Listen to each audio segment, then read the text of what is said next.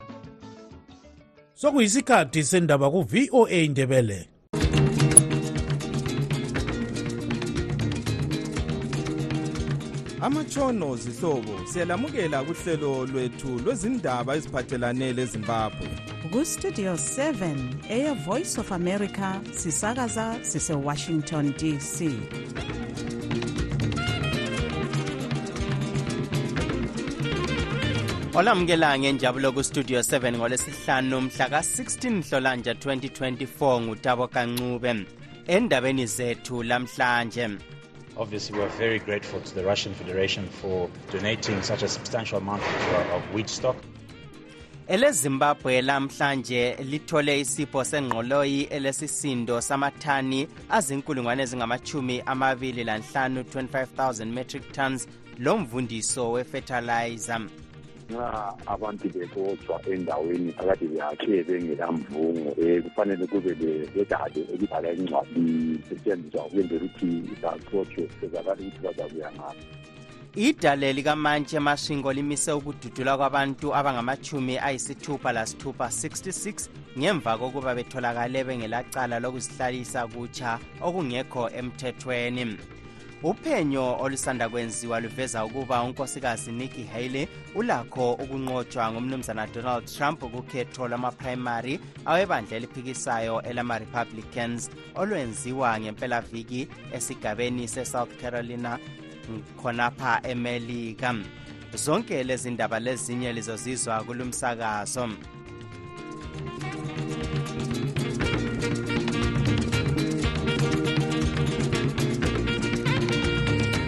elezimbabwe namhlanje lithole isipho sengqoloyi elesisindo samathana zenkulungwane ezingamachumi amabili lanhlanu 25000 metric tons lemvundiso yefetalayiza engamathani azinkulungwane ezimbili lantathu 23000 lesisipho sivele kumsekeli wogatsha lwezokulima kwelerussia intathelizindaba yestudio 7 umlondolozi ndlovu usipha lolu daba eseharare Uhulumende ubonge kakhulu eleRussia ngosizo lolu. Umsekeli kamphathintambo wezokulima umnumzana Vangelis Haritatos uthe ifetilizer eselizweni izanikeza uzulu phansi kohlelo lukamongameli welizwe olwe Presidential Input Scheme ukuze wonke umuntu enelise ukulima obviously we are very grateful to the russian federation for donating such a substantial amount uh, of wheat stock siyabonga ilizwe lerussia ngokusipha ingqoloyi eningi kangaka uqhubeke sithi umongameli mnangagwa uzakwenza okusemandleni akhe ukubona ukuba ingqoloyi izabelwa bani loba njani usizo lukamongameli luza ngesikhathi umumo wendlala ebangelwa yikungananga kuhle kwezulu elizweni iningi likhala ngokuba indlala eselizweni lonyaka iyesabeka kakhulu omunye umlimi wesabelo sezhombe umnumzana dumisani ncube uthi kule ndlala eyesabekayo lonyaka esithi uthemba ukuba uhulumende uzasiza abantu ngokudla ngokwamanje izwi lingabuye kwakathesi kodwa soze sikwanise ukuthi sizathola ukuthi umumbu wokuthi siwose awuhulumende siyamtshela ukuthi engakwanisa ukuthi uma esincedise isithole kokudla ngenxa yokuthi kwakathesi kutshengisa ukuthi phambili kwethu akulo kokudla uhulumende sicela ukuthi esincedise lokhu kusekelwe ngenye ingcwethi kwezokulima umnumzana ryan chuma othi iningi labantu lonyaka lizathwala nzima um sikhangelane um le ndlala enkulu ikakhulu kumnyaka yona lo we-2023-2024 sizini ngoba izulu alinanga okukhulunywe nguncube yisimo esiselizweni lonke kulandela ukungani kuhle kwezulu lonyaka elizweni lonke okucatshangelwa ukuthi kudalwe ukuguquka komumo womkhathi emhlabeni jikelele lokhu kuphume emhlanganweni owenzelwe edolobheni lemaswingo lapho inkokheli yemaswingo ehlanganise amakhanda ukuba ingadinga njani ukudla elizweni iningi elikhulume emhlanganweni lo owenziwe ngabe-citizen in action southern africa siyasa owokuba inhlanganiso ezizimeleyo lohulumende badinge amaqhinga okulungisa udaba lolu iningi livumelane ukuba isimo esiselizweni asemanga kuhle okumele sithathelwe amanyathelo aqinileyo ngoba bengabulawa yindlala ukugwalo lukahulumende olwezimbabwe vulnerability assessment zimvac abantu abedlula izigidi ezintathu bazadinga ukudla elizweni inhlanganiso ye-world food program yona ithi isadingisisa indlela zokuba izaphathisa inani elinganani labantu abadinga uncedo lokudla okuphuthumayo njalo kuziphi indawo elizweni lonke isebenza lohulumende kusenjalo elezimbabwe lilobelana isivumelwano lelebelarus sokwakhiwa kweziphala zamabele ezizanikezwa inkampani yegrain marketing board gmb ngimele istudio 7 ngiseharare ngimlondolozi ndlovu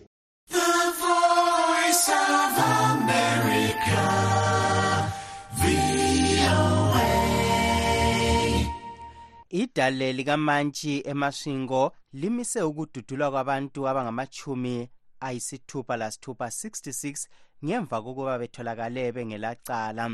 Abantu laba bebesetheswa umlando wokuzihlalisa emhlabathini kahulumende bengelamvumo. Umantshi uMnumzana Farayi Gwitira uthe abatshutshisi behluleke ukuletha ubufakazi obuveza ukuthi umhlabathi lo ngokahulumende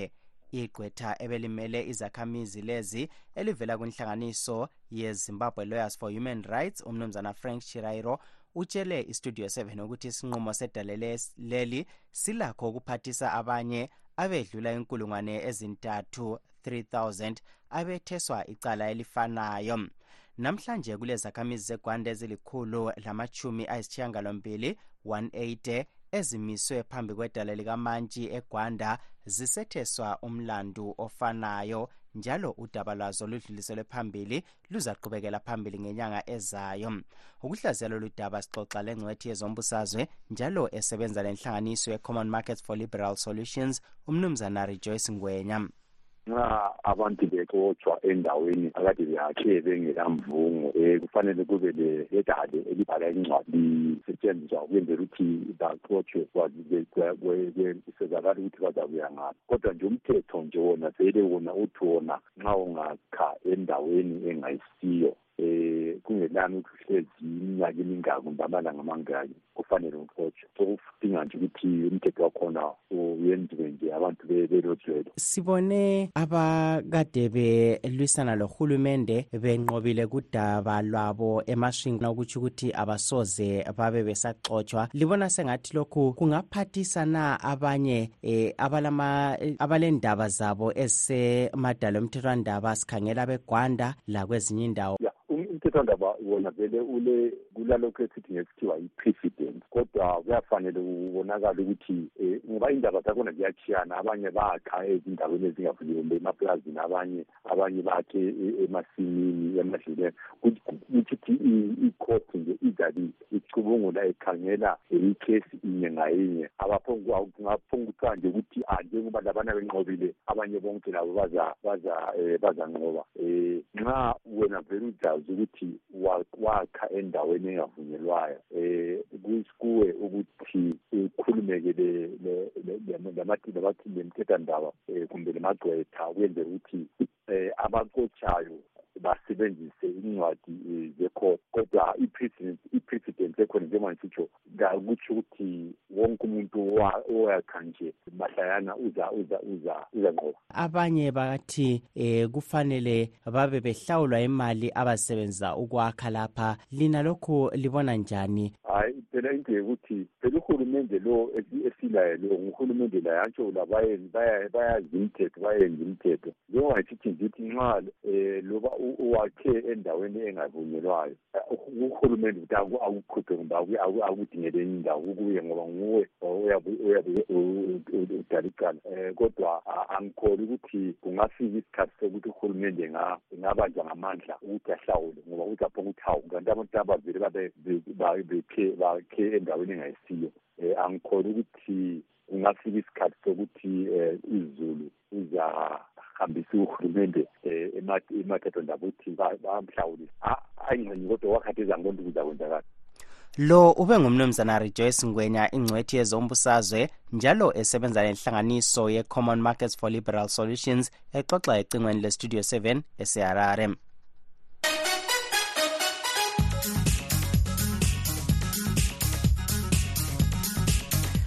kwezemelika ukhetho lokudinga ozamela ibandla lama-republicans kukhetho lukamongameli elizweni leli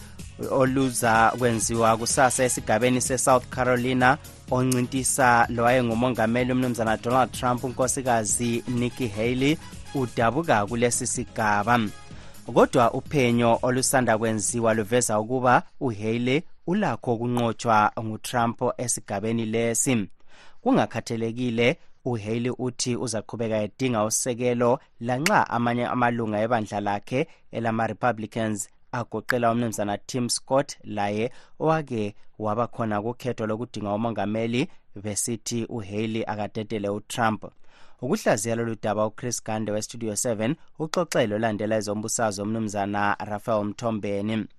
mina kangimboni enqoba kulolu khetho nxenye ngabe ngiyaphambanisa uyaphikisa kodwa-ke ngokubona kwami lapho usekelwa kuphela ngama-republic usekelwa yiphathi yakhe eyodwa naleyo futhi lakho kungasikho ukuthi bonke bamsekela ngoba nxa ukhangela khona kwambuza kona ngaphambili kukaniki haley bakhona abantu abaphikisana laye ubiden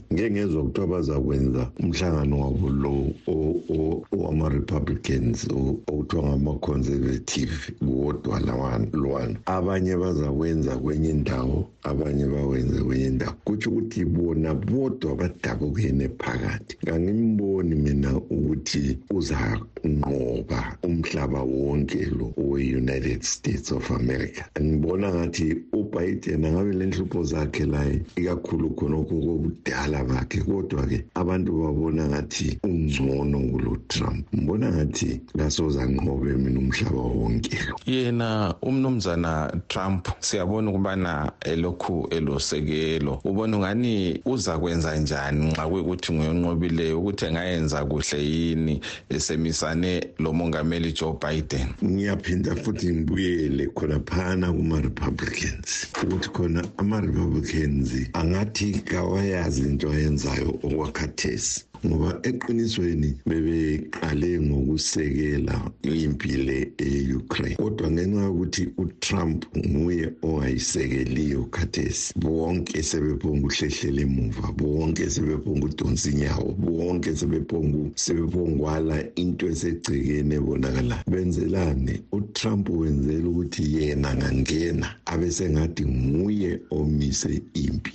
ye-ukraine esekhulumela umngani wakhe lo uputin ukuthi khona hhayi wena yekela lokhu akume kancinyane kodwa eqinisweni ukuthi yona irussia yiyo eyahlasela ilizwe le elasilo layo ele-ukraine so-ke yona yiyo ephambanisileyo ukuhlasela ilizwe elingumakhelwane angiboni iphumelela lindaba ngoba umuntu ongudrayiva wayo nguyena lutrump labo kumele bavumelane lokuthi baphiwe imali sebedonsa inyawo nje kabasezwakala ukuthi bathini umnumzana rafael mthombeni ngolandela ezombusazwe elemelika ubexoxa ecingweni lochris gande esetexas khonapha kwelemelika okwamanje wothi sizwe udaba oluveza imibono kahulumende wemelika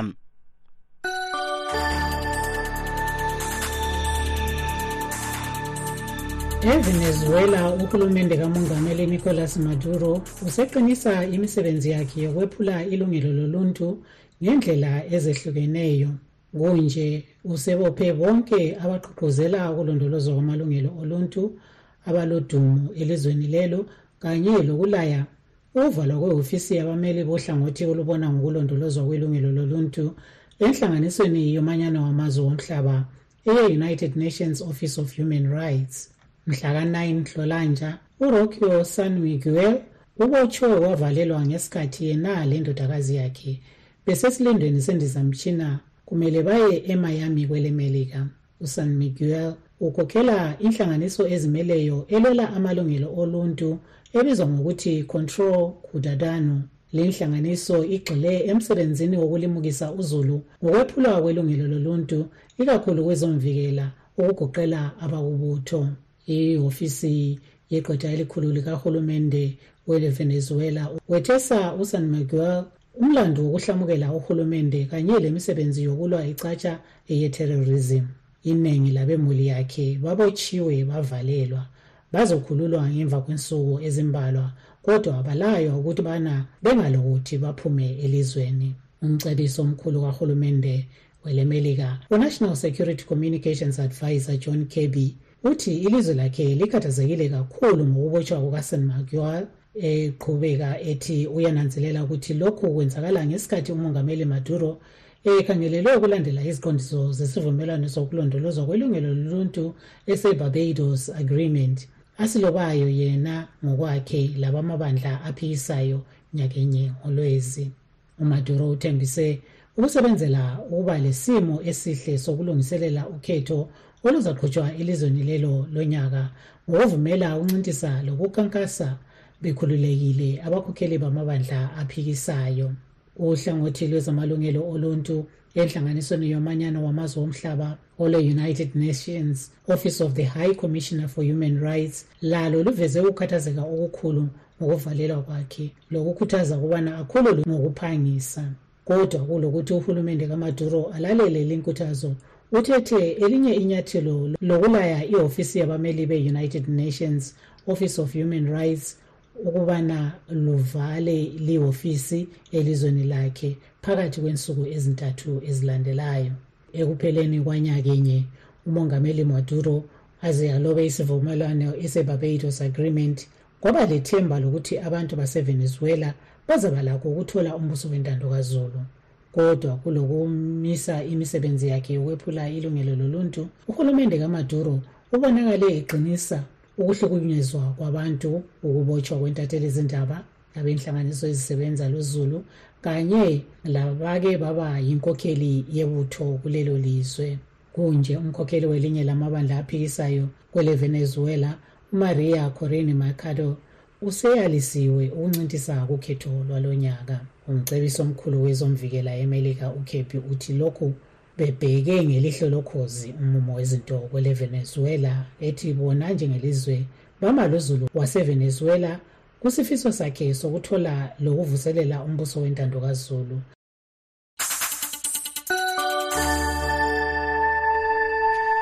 belilalele kudaba oluveza imibono kahulumende welemelika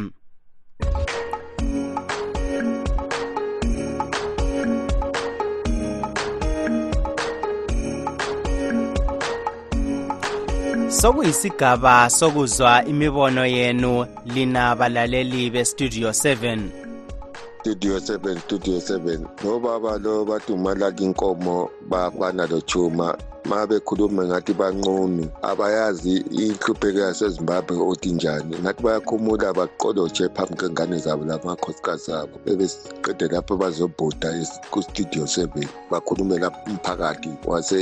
wezanu ukuthi ngoba bona bayasutha amabhondi akho akamnankwaga bakhuluma ngathi baphakathi kwebroket kamnankwaga babheda laba bantu asibafuni ukubamamela njani studio 7 studio 7 njani basakazi abahle abasakazi abalohlonzi abasitshela indawo njengoba zinjalo hhayi thina mpela besicela ukuthi ezimbabwe mpela leli dola labo leli kuthiwa i-g t r abantu bandila abakhipha udoti lowo abakhipha udoti lowo zama ukusezela imali right akuphume lokho asomali lokhu vela vela akufuneki vela sikho mali abazame elinye iplani studio seven studio seven ndinjani khuma lobabheke chuma abantu bebebhe bangabotsotswa ngumnankakho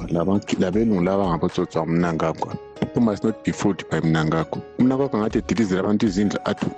abantu babuye bazolungisa ilizwe labo labelungu yabavumela basifike ezimbabwe bafike bahlamukele is gonna change anytime is just fooling them so that they can come then he get a lot of money from them then he start chasing out the market. They must wake up these white people whom, are they, whom they are saying, hey, umunanga wako si right, say first time kuma. Uyawaza wenzera wenzera tanga usura amanya maza hapa na kutizira abantu izinto. Ibabhatala isinto ezingana msebenzi azabhatala isele mgodu satani lo. Abafunda abantu angwazi kunjani. These white people they don't know how Mugabe i- i- i- is. Ah. sanibonani sanibonani sanibonani ninjani kwastudio seven okhulumayo ngomanye athwala phana komansingo bengithi linjani lonke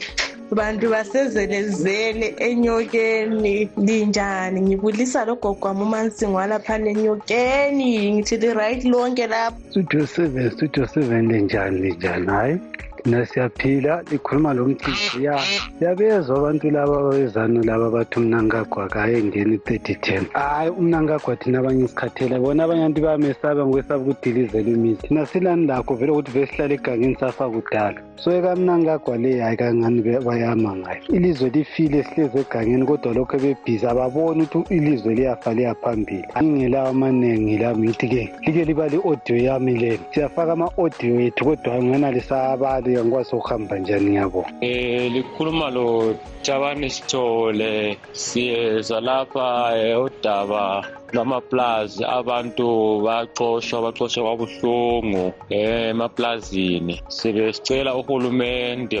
yasezimbabwe ngoba ixosha abantu ebanikeze indawo yokuhlala njalo uma ebanikeze abayakhele ama-two room two room two room babe nestart ngoba yibo azaphinda bamvotele futhi engaze wakhohlwa ukuthi uzabe sedinga amavoti next election siyacela silinaye uhulumende yena nguye owasifakayo kulezo ndawo manje sesihlukumezi ungathi thina sasifaka siyabonga estudio 7 salibonani livuka njani labalaleli abalandeli bakachamisa babonisa obala ukuthi bona vele bangahambela uchabanga enyangeni bayomthakatha sebe-ektha ngathi ngabathakathi abalandeli bakachamisa okwamanje uchamisa uyedwa akhala tendai bithi welshman ncube job sikhala kanti laba kade bekhala ngokuthi job sikhala job sikhala bangaphi um angithi liyakubona-ke ukuthi ujob sikhala uthe ma eziphumela ejele wahlukana lochamisa ngoba uyabona ukuthi uchamisa kalanga labo ngabanye babalaleli bestudio 7 besipha imibono yabo lani lilakho ukusithumela eyenu imibono kunombolo ezithi plus 1 202 465 0318 Ithi woza woza Friday my darling woza Friday kuhlelo woza Friday liviki silomculi werumba unjengelizwe ngwenya ozibiza njalo ngebigama lokuthi DJ 20 emculweni ehamba leqembu lakhe le-Ostrecha Orchestra Bambadzi Sounds linsizwa idabuka eplumtre esigabeni sebhambadzi kodwa icula ekwele south africa lapha udj 20 uphethe idlalade lakhe elitsha elilesihloko esithi sekuvele okunye lona elilengoma ehlanyisa abanengi ethi imithwalo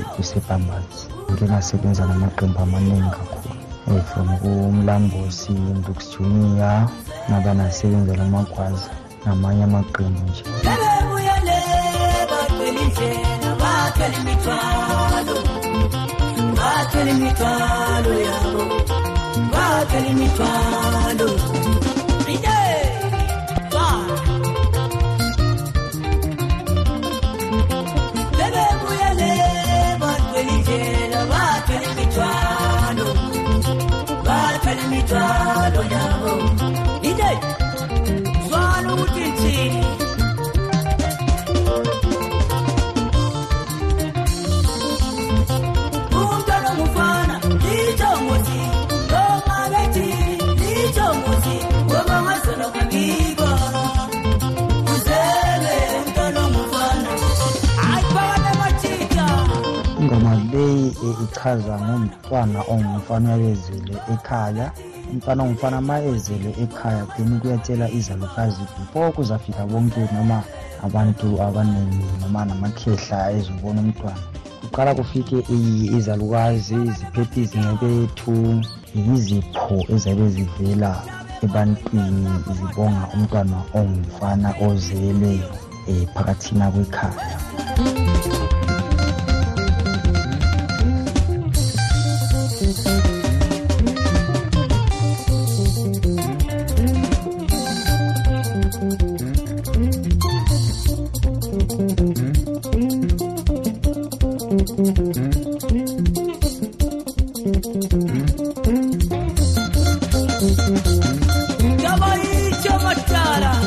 abangathanda ukuthenga umculo wenu kumbe ukuxhumana lani balithola njani ababe befuna izingoma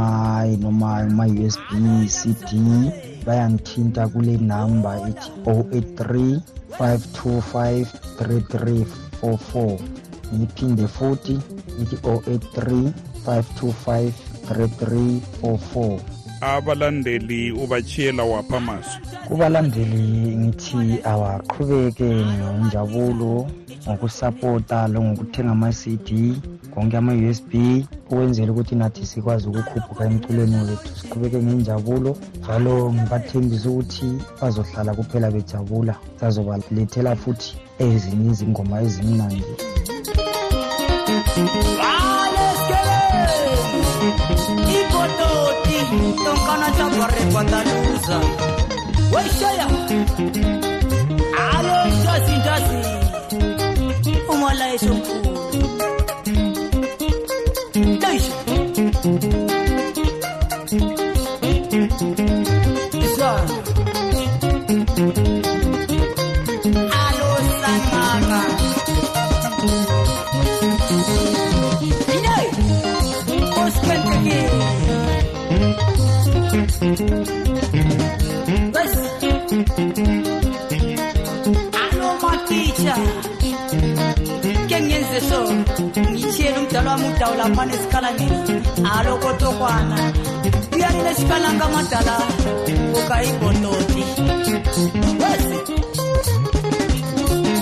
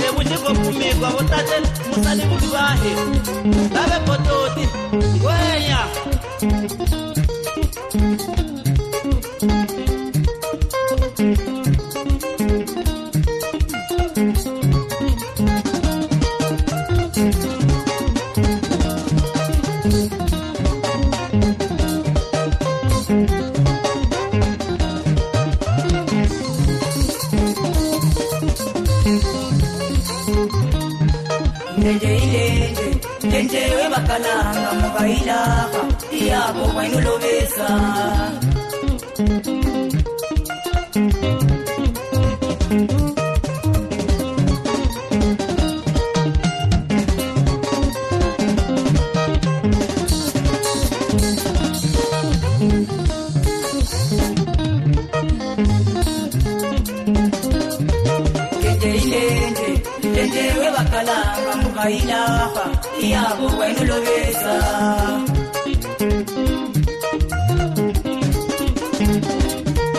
lo ube ngu njengelizwe ngwenya owaziwa ngegama lokuthi dj 20 ehamba le orchestra bambazi sound exoxa lontungamli nkomo owestudio 7 lingakhohlwa uhlelo lelandelayo live talk sikhangela udubo lwesimo sendlala embi ebhekane lezimbabwe ngenxa yokungani kuhle kwezulu singakehlukani zihlobo othi sikhangele ezinye zendaba ebezikhokhela